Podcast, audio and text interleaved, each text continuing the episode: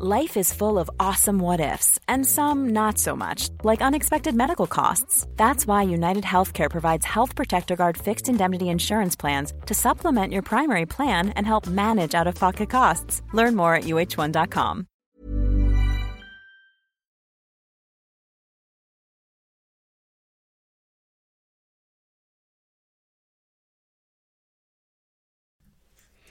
Surprise, surprise! Jag är tillbaka helt ensam.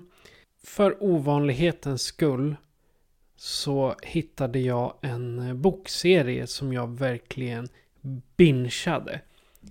Och då pratar vi inte om att man läser en bok under en veckas tid. Utan här så betade jag av tre böcker på fyra dagar. Enda anledningen till att det inte var tre böcker på tre dagar. Det var för att vi hade skräckfilmscirkeln en kväll. Och då orkade jag inte läsa. Jag har träffat Gustaf Skördeman.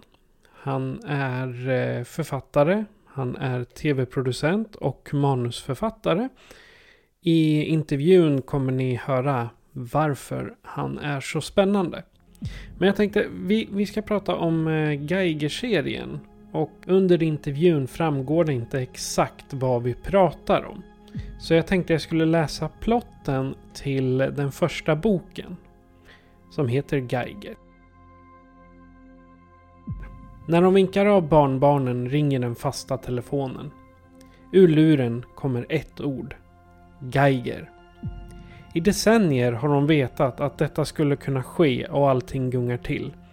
Hon vet vad det innebär.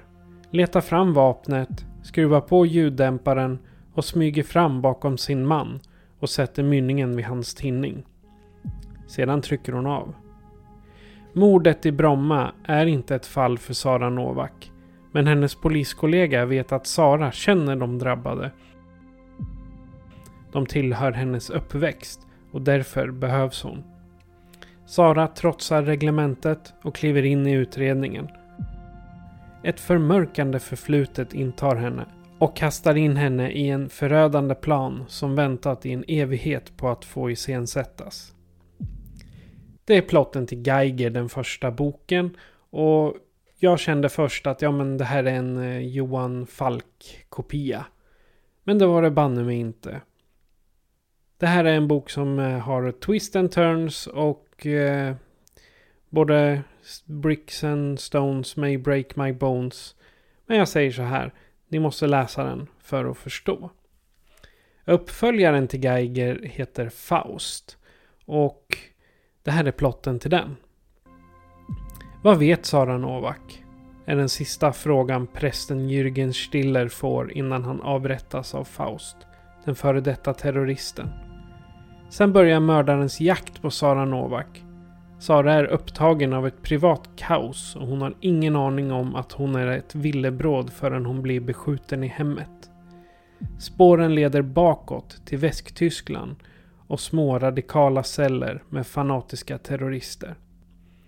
Jag tänker inte läsa hela den plotten för den avslöjar mycket av den första boken. Uppföljaren till den heter Wagner.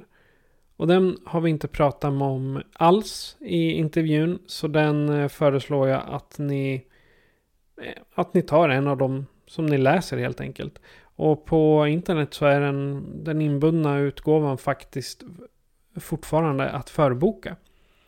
Men jag eh, läste igenom de här på fyra dagar. Så jag säger att det här är spännande.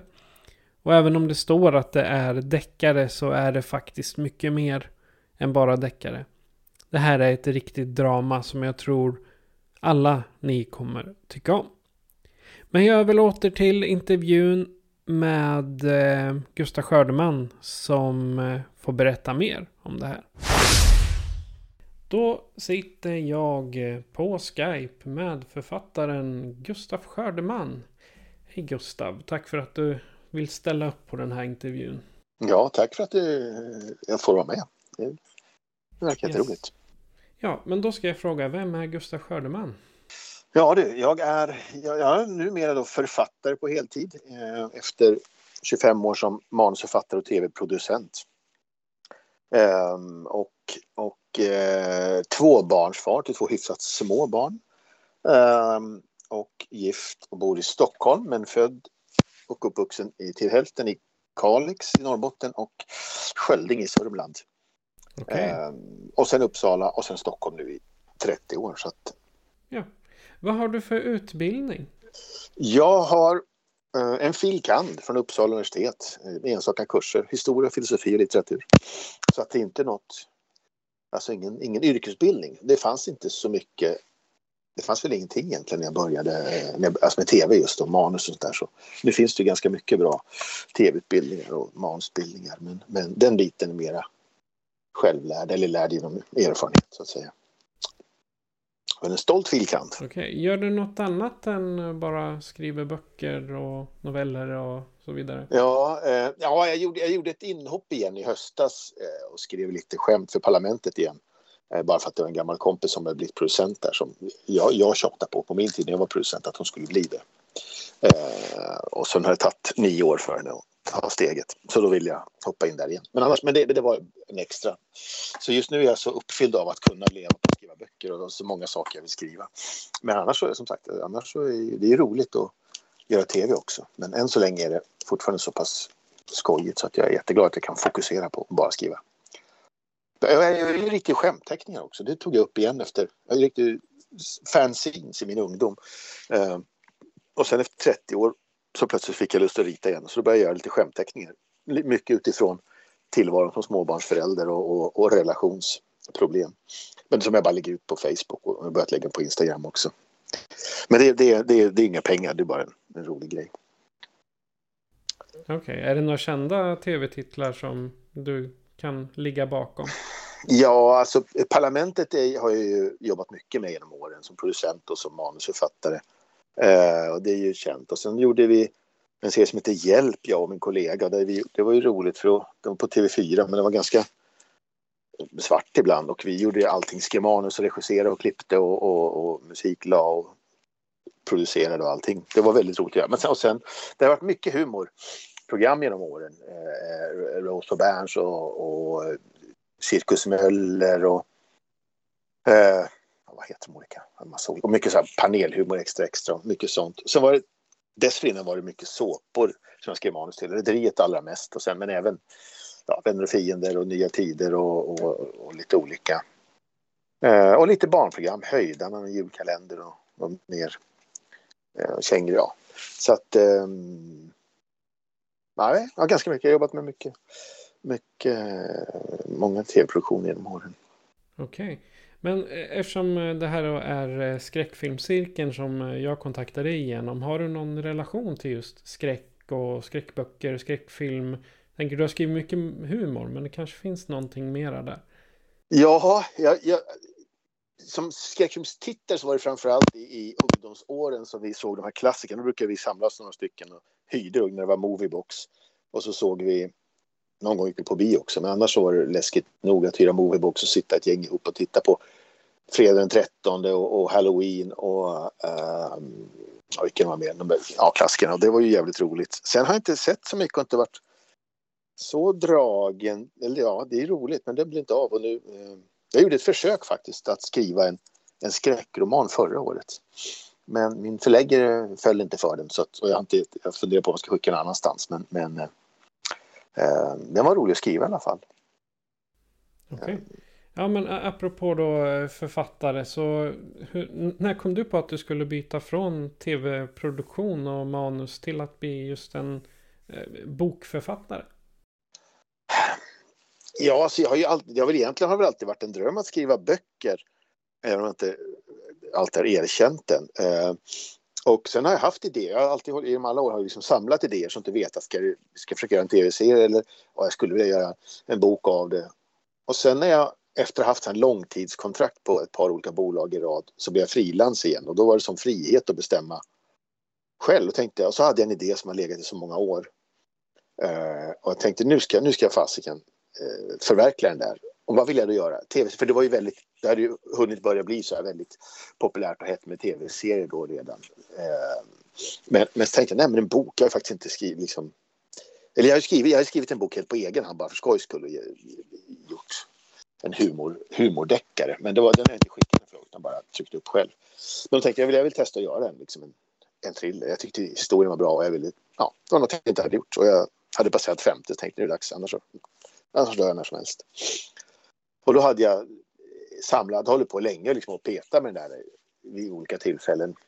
Eh, och då tänkte jag nu gör jag det. Och så skrev jag och skrev och skrev och skrev och skrev alltid jag, jag kunde som inte behövdes för att dra in pengar till brödfödan. Så, så, och så blev det en jättetjock lunta och så skickade jag in den till olika förlag.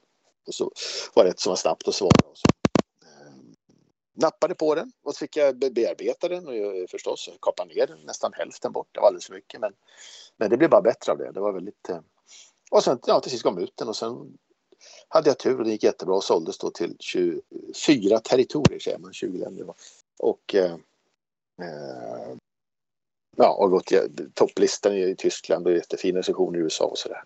Eh, så att jag hade ju väldigt tur. Jag fick veta efteråt att det kommer, nu ska vi se om jag kommer ihåg siffran rätt här nu, det var någon i Svenska Deckarakademin som sa att det kommer så 350 deckare i Sverige på ett år. 318 var det året kanske. Alltså fruktansvärda mängder på alltså små och stora förlag blandat. Men hade jag vetat det så hade jag aldrig, aldrig gett mig på att skriva en deckare. Jag tänkte det är omöjligt att komma fram i, i det, att bli antagen med. Och så blev jag antagen och dessutom så gick den bra och, och, och gjorde att jag kan, kan leva på det i alla fall nu. Så det var ju fantastiskt. Men när, när du skriver då, ja, vi ska prata lite om eh, titlar sen då, men eh, när du skriver, var, var, var, får du inspiration och hur, hur gör du en, en vanlig session när du skriver? Alltså delar upp, alltså inspiration, jag har ju sam, liksom samlat idéer i, i, i, i flera decennier och, och har en jäkla massa liksom, med roliga uppslag och artiklar, ett jättestort arkivskåp fullt med kopierade tidningsartiklar som jag har använt till det här och, och så läser jag mycket. Eh, och sen skriver jag ner det och sen så ibland så, om man säger alltså ett intressant spår, sen kom, så dyker upp en egen vändning på det hela i huvudet. Men sen är det så när jag väl har samlat, man känner att det där, var, det där är en tillräckligt bra idé, då får man börja strukturera den idén och vrida och vända på den. Det, det, kan man, på, det är väldigt roligt när man liksom tar fram, jag gillar att jobba med en storyline. Det, det är ju något jag liksom tagit med mig från manusskrivandet där man kör de här gula lapparna, post-it-lapparna och, och, det tycker jag är väldigt roligt. Eh, väldigt roligt. Och vrida och vända och hålla på. Och jättemycket att peta med där. Och sen kommer en fas när jag då ska få fram en första version och sitter och bara knattrar, knattrar, knattrar. Det är, det är en ganska tung fas. Och sen ska man bearbeta och, det är, och jag bearbetar många gånger också för att det ska bli, bli bra. Så det är en ganska omständlig process på det sättet. Men, eh, men jag är ganska snabb på liksom själva skrivandet. Men, men jag vill, jag vill, ja. Så att, eh, men som sagt, sen har jag alltid att det ligger, det ligger liksom lite i pipelinen som håller på på lediga stunder. Man ska rensa hjärnan lite. Om man sitter mitt inne i ett projekt så, och så är helt hjärnan tömd. Då hjälper det att ta, ta tag i något annat och titta på det. Eh, faktiskt. Eh, så att på det sättet så är det mycket. Så får man se då vad som mognar, så att säga, vad är dags att ta tag i. Nu vet jag vad, jag, vad nästa projekt ska vara här som jag håller på i mellanvarven här med. Um, så att mycket.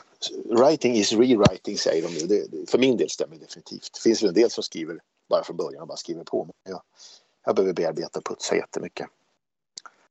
Och läser så här, alltså nu, de, med, med de första tre deckarna så läser jag väldigt mycket. Eh, referenslitteratur och artiklar och, och nätet och så. Här. Och nu med nästa projekt så har jag också väldigt mycket. Eh, och det är roligt. Men det skulle vara roligt också att skriva något där jag inte behöver inte läsa en rad utan man kan hitta på allting själv. Vi får se. Jag, jag kom ju i kontakt med, med ditt namn när jag eh, läste eh, Geiger-serien, om det, man kan kalla den så, om polisen Sara Novak. Mm. Geiger, Faust och Wagner, ja. ja. Sara Novak är den mest centrala karaktären i alla de eh, böckerna. Och mm. ju, många baserar ju sina karaktärer på olika personer. Vem kan man tänka att Sara Novak är baserad på? Det är nog, det är nog, det är nog till hyfsat stora delar på mig själv. Eh, just hennes, hon är ju plus, ja, plus bara, alltså, säga, när, när hon dök upp i skallen så tyckte jag att det var roligt, men intressant med en, en kvinna som, alltså kvinnor är ju eh, normalt sett så förknippar inte de med, med fysiskt våld. Hon är, om man att de ganska, alltså, vad ska man säga, om, håller igen på ett annat sätt och här är någon som inte, hon har fått nog liksom allt, hon har jobbat med med väldigt liksom svart sida av polisyrket med, med, med trafficking och, och, och gatuprostitutionen. Och hon är liksom, eh, och sen har ju ett temperament, hon har ju från början, märker man i boken då förstås, liksom, eh, uppvä från uppväxten kommer en, en, en, eh, en, ilska som hon har med sig och som då till sist då tippar över. Och så kan hon inte hålla tillbaka längre och börjar och till, alltså till och med går så långt att hon liksom använder våld mot, mot misstänkta och mot sådana de griper. Det får man ju inte göra, men det är lite roligt för det är lite ovanligt att, att se kvinnor som liksom har det där lite mer manliga som man förknippar aggression och fysiskt våld. Men och jag tror att det blev lite extra för att det, det, jag skrev den första så var fortfarande barnen väldigt små. Det var väldigt lite sömn och, och, och man blir tokig på ett sätt man inte kan förstå av, av att liksom inte få några hela nätter någonsin. Så jag tror att det var lite, det gjorde nog att hon blev argare.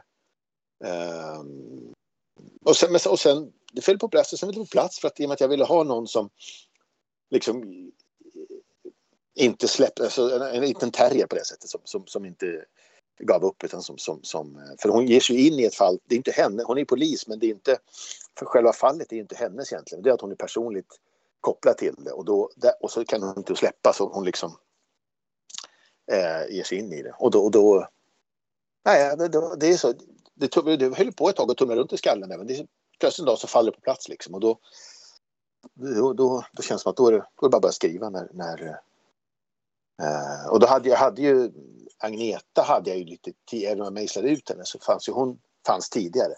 Men då när Sara också kom på plats så då, då, då började jag skriva boken liksom på riktigt på allvar. Den första. Okej. Okay. För, första boken, den är ju upprinnelsen till att Sara Novak eh, kommer in i all action och så är ju att eh, Sickan, den här tv-personligheten, Stellan. Stellan, okej, okay, ja, då är det den här tv-personligheten Stellan då, eller farbror Stellan kanske han kallas också. Att han blir mördad helt enkelt. Just den vändningen som är tidigt i böckerna, var det någonting du fick under tiden du skrev på nätterna med små barn? Uh, den, den, uh, när den dök upp, vi hade ju idén då om uh, om eh, den här liksom eh, DDR-Stasi-kopplingen eh, och med svenska, alltså illegalister och spioner eh, länge.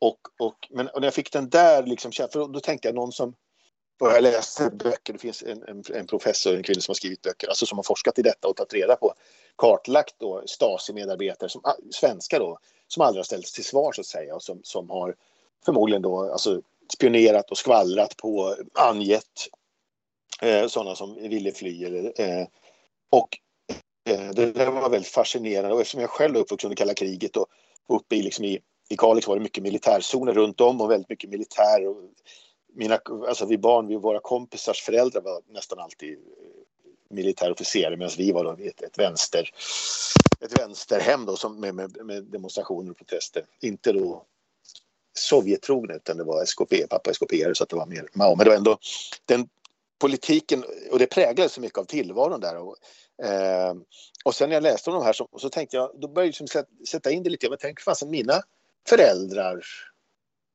eh, eller deras kompisar, alltså för det var en folkhögskolemiljö så många elever var, var ju väldigt eh, vänstra också. Och där, jag tänkte så att, och sen var det en, en man som eh, kände eh, Eh, aktiv, alltså en svensk då, som, som, som var väldigt Palestina-aktiv och lärde känna eh, flera av de här all, liksom, högst uppsatta, alltså terroristledarna egentligen. Eh, de ser som frihetskämpar, andra ser som terrorister. Och han var personlig vän och åkte ner dit och många svenskar åkte på träningsläger där nere med, med eh, och jag bara tänkte, mina föräldrar var ju ändå så liksom nära, de har inte gjort det och det är jag rätt säker på men, men de var ändå så nära och den här mannen, kommer jag ihåg, hans fru var en granne och vän till familjen. Och, och på något sätt kom det så nära med, eh, med, med den här, eh, alltså med spioner, illegalister, terrorister.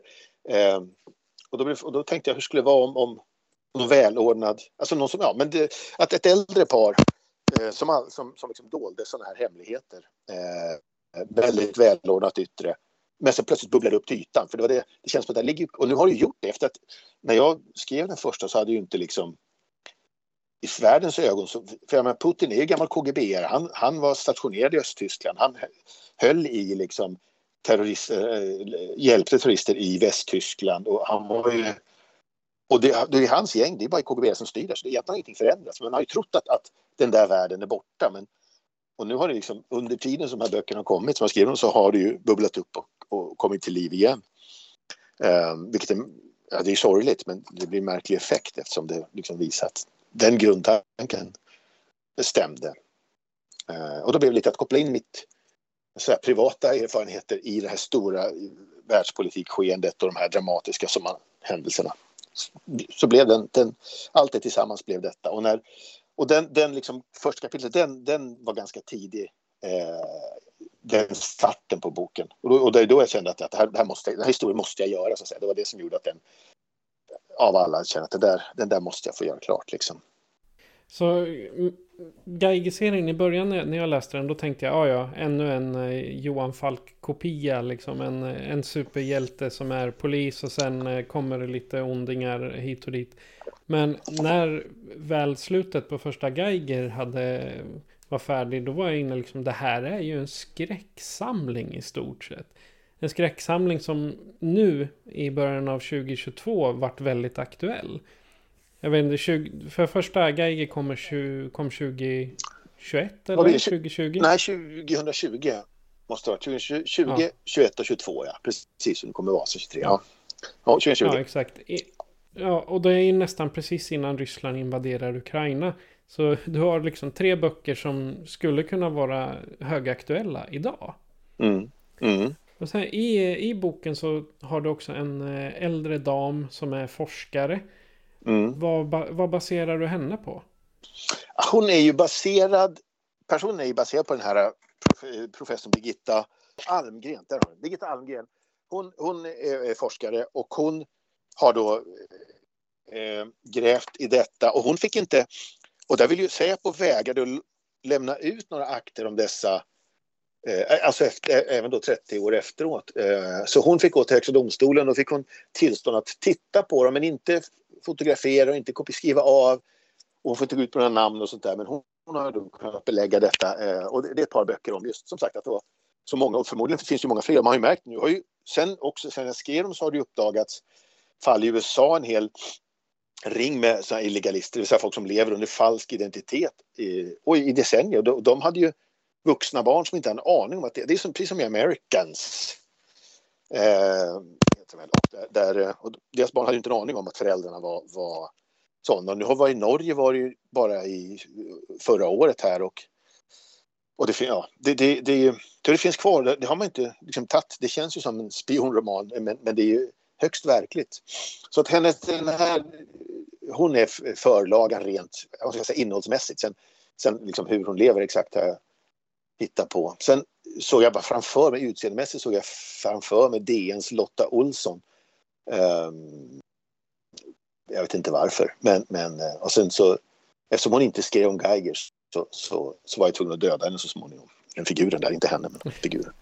Men, men som sagt, det, det väsentliga var den här Birgitta Almgren och hennes eh, eh, böcker. För det, det är ju också som sagt det är fascinerande med det hon har eh, forskat fram. Så att det är väldigt mycket. Det är ju ja, mer än hundra böcker vet jag till de två första. Och den, faran är ju alltid att man, man hittar så mycket man vill ha med. Att då, då är det lätt att det blir en katalog. Och lite kanske ska trimmat ännu mer men, men, men det, det, ja, man får koka ner det så får man stryka efterhand. Nu, nu ska vi inte spoila allt för mycket av eh, boken, men farbror Stellan där. Han, eh, jag, jag kommer liksom att tänka på Mr. Rogers i, från amerikanska barnprogram. Men liksom, vad, vad, vad fick du farbror Stellan ifrån? Han är, han är ju en central roll även fast han dör ganska tidigt. Ja, precis. Jo, det är han ju. Alltså, han är ju en kombination av, av eh, ganska mycket Hyl, nu, och nu pratar jag inte om hans mörka hemlighet, men hans tv-personen är ju väldigt mycket Hyland, men även de andra, det var ju väldigt många, alltså från sporten, gamla sportpratare som blev jättestora, alltså även Oldsbergsson var ju gamla sportpratare och det var ju och Lars-Gunnar Björklund och, och, och, och, det var ju väldigt många, eh, och Jerring på sin tid, men, men Hyland, för när jag växte upp så var ju han, så det var ju fortfarande, det var ju vuxen de här kommersiella kanalerna kom. Eh, så det var ju väldigt stort. Eh, hans program fick sånt genomslag. Eh, så den, och det, det, var ju, det är ju ett gammalt, det är på samma sätt som alltså järnridån med, med kalla kriget så är det ju en värld som är försvunnen. Det är Sverige också ett Sverige som är försvunnet då med, med en eller då två kanaler och det genomslaget och hur liksom man alla såg samma eh, och, och, vad det kunde göra. Sen var det ju, sen är det ju mera, vad det gäller han, sen hade Hyland väl sin, men det var ju mera att han, att han söp och, och var lite liksom, otrevlig, eller jävligt otrevlig. Men, men, men liksom den här riktigt mörka sidan, det är ju mera från i så fall Cosby och vad heter han, eh, Peter Saville, Saville i England. Sådana här folkkära eh, tv-känsla som, som Pervon är och var. En, en, han, han vill han ju dö innan det kom fram. Men, eh, så att det, jag, jag la in det i det hela istället. För det, men det är också så, för det finns ju flera exempel på just när du är du så stor och att hela mycket av, det var också det att metoo hade ju briserat ganska nyss före det där och det kom fram historier. Man, även när man läste om de här vad heter de, eh, eh, producenten i Hollywood, eh, bröderna och många, många andra som liksom alltid har kunnat ta sig vilka friheter som helst och kommit undan med det och ödelagt liksom, framförallt kvinnors, eh, ibland kanske unga män också, men eh, liv. Så att, och, och, och, och det kopplas ju ihop lite också då med, med trafficking, eh, utnyttjandet av kvinnor. Sen var det så, ja, så att det, det, en liten kombo där av, av, eh, av uh, Hyland och Cosby kan man säga. Eh, och, och, lite andra. Lite. Namnet Broman fick, det var ju egentligen han? Sten Broman som ju var program, lite mer perifer. Men det var ju roligt att han var ju eh, programledare. Jag var liten och eh, mycket klass, alltså frågesporter men också klassisk musik och var väldigt så här karismatisk. Och det var, det var inga hemligheter alls, men, men, namnet tog jag därifrån. Och Stellan var från hans, en man som var ordförande i svensk, alltså vänskapsförbundet Sverige-DDR. Stellan Arvidsson. Um, sen visade det sig att Stellan och Agneta heter ju två av mammas bästa vänner. Och det visste jag men det tänkte jag inte på. Och de tror att, det, att jag döpt dem efter dem. Men det var inte meningen, men sen var det lite roligt. Däremot har jag tagit döttrarnas namn efter min frus kusiner. Alltså inte för att det var likt dem, bara att det lät så bra ihop. Ibland blir det lite, ja. Men de är ingen, ingen arv jag vet i alla fall. Eh, jag vet att eh, du har en ny bok eller kanske en bokserie till och med på gång här inom kort. Vad, kan du berätta något om den? Ja, det, är, det, var, det var förlagets idé, eller förläggaren som eh, Sofia som hade den och, jag, och som sa hon ville pitcha en idé också. Och tanken är, för nu i år, 6 juni, så är det 500 år sedan Gustav Vasa blev vald till kung för Sverige och, och där liksom grundlades kan man se mycket av liksom Sverige som vi känner det. Eh, med centralstyre och det var arvriket kom efter det och, och, och hur man han organiserade upp landet. Och då är det 500 år och då hade de en idé om att de skulle göra en för det är så, det är så eh, häftigt material, hans, hans liv och hans barns liv. Och då ville de göra en spänningsroman om Gustav Vasa, alltså en bladvändare. Och så tyckte de att jag var bra på att liksom hitta ett driv i mina böcker och undrade om jag var intresserad. Och jag tyckte det lät jättebra. Och ju mer jag tänkte på det, desto bättre lät det. Så att eh, det satt jag med större delen av förra året och, och, och början av det här året. Och den ska då komma ut. Ja, officiella datumet är förstås 6 juni då, exakt på fem. Kanske trycks lite tidigare. Men det, den håller jag på nu och bearbetar. Eh, och det är väldigt, det har, jag har svårt att säga hur den kommer att tas emot. Men det, var väldigt, det har varit väldigt roligt att göra och det, det finns otroligt mycket material där som är, alltså som är helt sant och som man kan använda med personer och motsättningar och konflikter och svek. Och det är ju det är ju ett Game of Thrones fast på riktigt. Eh, fram till, till, eh, till han blir kung och när han är kung och barnen växer upp så är det ju ett, ett gudfadern eller ett, vad heter den, eh, vad heter den eh, tv-serien med familjen som barnen som strider om arvet Nej, jag glömt bort det. Skitsamma. Men, men det, ja, det är väldigt bra material så att, eh, hoppas att det, ja, det är roligt att göra. Så den eh, hoppas jag kan locka, att den kan vara liksom så underhållande att den, att den funkar att läsa som. Och nu var en artikel i förra helgen var det väl i DN om ett helt uppslag om att det är så inne nu med historiska romaner. Men Det är helt rätt, ligger rätt i tiden. Så jag hoppas att det stämmer, att det håller i sig några månader till. Ja, de definitivt. Och det är ju något att, jag ska inte säga fira, men det, det är ju ändå en en milsten i svensk historia att Gustav Vasa blir kung. Mm. Ja, men så var det verkligen. Så var det. Och jag menar, han var ju inte så trevlig och ganska otäck. Men han gjorde ju, som sagt, det var, det var verkligen, det var, det var en milsten och det har lagt grunden till det Sverige vi har. Eh, måste man se. Så att det, ja, absolut. I vanlig ordning då så brukar vi prata om minst en film var som vi sett och anser eh, behöva uppmärksammas. Så att eh, jag ska fråga dig. Har du sett en film eller en skräckfilm på senaste tiden som du skulle tycka är värd att nämna? En skräckfilm har jag väl inte sett så många. Jag såg något som kallas en skräckkomedi, den här, vad heter det, Menu, heter det så? The Menu med. Men den tycker jag inte är värd att nämna. Jag är lite besviken på den. Vad heter han? Fiennes. Um, ehm, mm, Mm, och sen har det tyvärr inte varit så mycket. Jag har alltid älskat att gå på bio. Alltid gått tre gånger i veckan. Men sen, sen barnen kom så har det slutat. Då blir det i och för sig att man ser på eh, tvn hemma och sånt där. Men det är inte samma sak som en bioupplevelse. Eh, Fablemans såg jag, lyckades jag ta mig iväg till. Den var bra tyckte jag. Men det är ju långt ifrån skräck. Eh, jag kan godkänna en vanlig film. Det är inte alla som är lika nördiga som vi. Tittar på skräck nästan varenda dag. Så. Ja, ja. Nej, så, nej, som sagt, en riktigt klassisk skräckis. Men nej, och jag har fortfarande inte sett de här, vad heter de, Get Out och vad de heter som man borde se, men det, det, det kommer. Men, men annars kan jag, tycker jag alltid man ska se Warriors några gånger per år. Det är ju det är klassiken. Uh, inte skräck, men, men lysande filmkonst.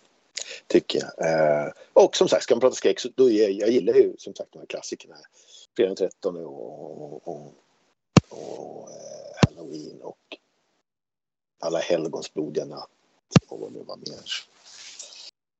Um, men inte så mycket alltså så här, stympa och blod och vad det heter slasher och sånt där utan jag vill ha. Ja, tortyrporr. Tror jag ja, nej, precis. Ja, ja nej, det, det, är inte min grej. Det, nej, det, det, gillar inte vi heller. Vi har eh, vi bojkottar nästan sådana filmer bara för att de inte är det är inte den sorten vi gillar. Nej, bra. Då, då, då, då, delar jag uppfattning där. Faktiskt. Men jag tänkte om du har möjlighet att säga någon egen hälsning, kanske ska göra reklam för ditt arbete eller om du har några eh, sociala mediekanaler man kan hitta dig på? Ja, jag är inte så bra på att gå ut med saker om mina böcker egentligen. Min fru har sagt till mig det, att jag borde skärpa mig och det, jag är lite jag är inte så bra på sociala medier. Det, det jag har varit lite mer ambitiös med det är skämtteckningar. Det kan man hitta på Facebook. Skordeman heter den sidan tror jag bara. Och även, jag lägger också ut på, på Instagram. Där heter det Skordeman. Jag tror det heter Skordeman på båda. Eh, de, där finns det. Och, och böckerna ska jag ska ta tag i. Det. Jag registrerar en sida men jag har aldrig gjort något. Jag ska göra så jag vet inte var jag ska. Och jag har en hemsida men den, den är ju helt värdelös. För den har jag bara. Jag hade ja, den, nej, den, den kan man, den är ingenting. Det ligger ingenting där. Ja, det ska jag också göra. Jag är världens sämsta på.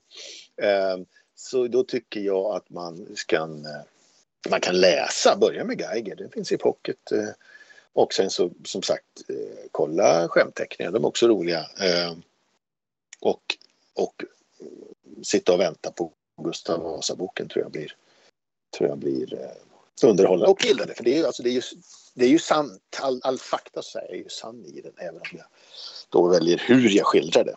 Så att eh, jag hoppas att den kan vara, vara skojig. Men eh, Gustaf, jag tackar dig så väldigt mycket för att du ville vara med och berätta lite om ditt författarskap.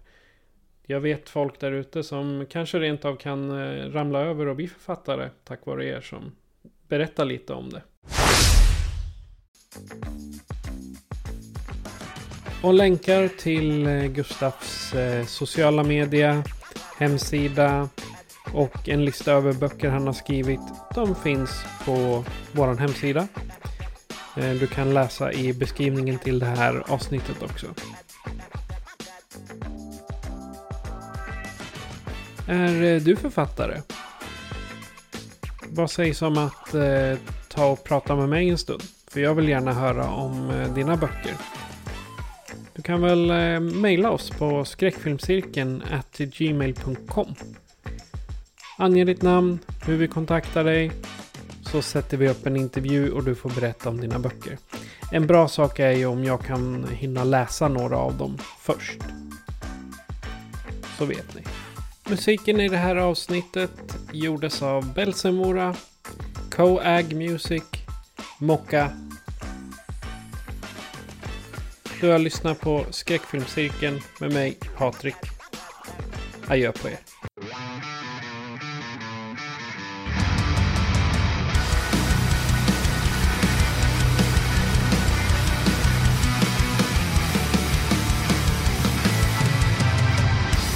FPN Productions. Ever catch yourself eating the same flavorless dinner three days in a row? Dreaming of something better? Well, HelloFresh is your guilt free dream come true, baby. It's me, Gigi Palmer. Let's wake up those taste buds with hot, juicy pecan crusted chicken or garlic butter shrimp scampi. Mm. Hello Fresh. Stop dreaming of all the delicious possibilities and dig in at HelloFresh.com. Let's get this dinner party started.